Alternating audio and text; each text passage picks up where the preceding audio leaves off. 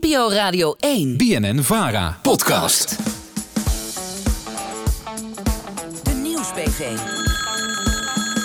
De vraag Aan Den Haag. Elke week stelt de politieke redactie van de Nieuwsbv jouw politieke vraag aan een politicus uit Den Haag. En dit keer is dat een onderwerp dat de gemoederen in ons parlement flink kan bezighouden. U weet, uh, uw spreektijden per fractie, zijn die bekend? Voorzitter, ik heb vier minuten spreektijd. Meneer Bosman zit op 12 minuten 55.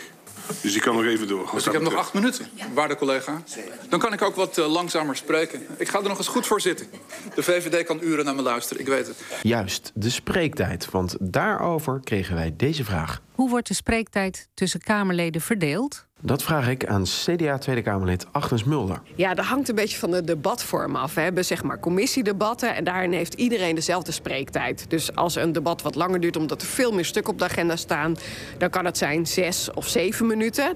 Meestal is het een minuut of vier, misschien vijf. Dus dan moet je heel kort, moet je dan je punt gaan maken. Ja. En we hebben ook wetgeving. En wetgeving mag je eigenlijk zo lang voornemen als dat je wil. Want dat is belangrijk natuurlijk in ons land. Dat je de ruimte krijgt om wat je wil bereiken in zo'n wet... dat je daar ook alle tijd voor hebt om dat goed uit te kunnen leggen. Maar dat betekent in theorie dat je ook een week de tijd kan nemen om te gaan spreken over een wet, als je dat zou willen? Nou, volgens mij zit daar inderdaad geen eindtijd aan. Hè. Dus dat zie je wel eens dat uh, Kamerleden dan denken... ik doe een filibuster en dat is in de VS.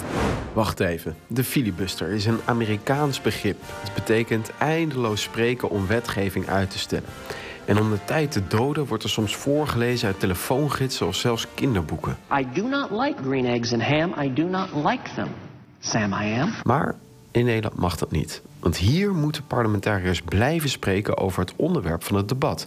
En misschien zien we de filibuster daarom zo weinig in Nederland op een paar keer na. Zoals toen PVV-Kamerlid Fleur Agema wel tien uur spreektijd aanvroeg, maar daar last minute toch vanaf zag.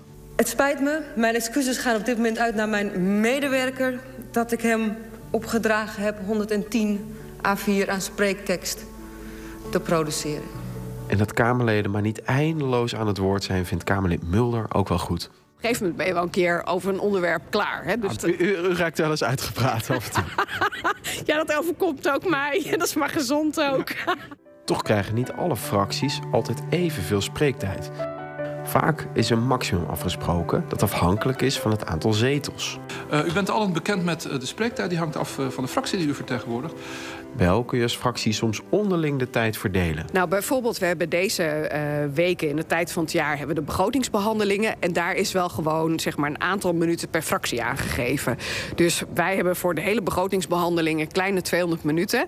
Nou, van de week hebben we die begrotingsbehandeling voor buitenlandse zaken gehad. En dan had ik in totaal 14 minuten. Nou, daar heb ik voor de eerste termijn heb ik dan uh, 11 minuten genomen. En drie minuten voor de tweede termijn. Dus ja. zo kan je dat dan uh, ja, opknippen. Maar als de tijd dan echt op is, dan kan in het uiterste geval altijd nog een collega Kamerlidje wat extra tijd geven door net een extra vraag te stellen ofwel een interruptie. Mijn collega uh, wilde net over Scarpino beginnen en toen was de spreektijd op. En weten dat uh, antwoorden in de interrupties mee niet meetellen voor de spreektijd. Dus in mijn vraag aan mevrouw Geluk-Poortvliet is wat wilt u graag met een Scarpino-belet doen? Dan kunt u daar wat dieper op ingaan. Mooi gebruik, vindt CDA-Kamerlid Agnes Mulder. Nou ja, dat is dan eigenlijk wel weer collegialiteit... die niet iedereen uh, in Nederland misschien direct van ons verwacht. dus soms helpen we elkaar dus in het parlement. Mag ook wel eens gezegd. Heb je nou ook een vraag aan Den Haag? Mail die dan naar de nieuwsbv politiek@bnnvara.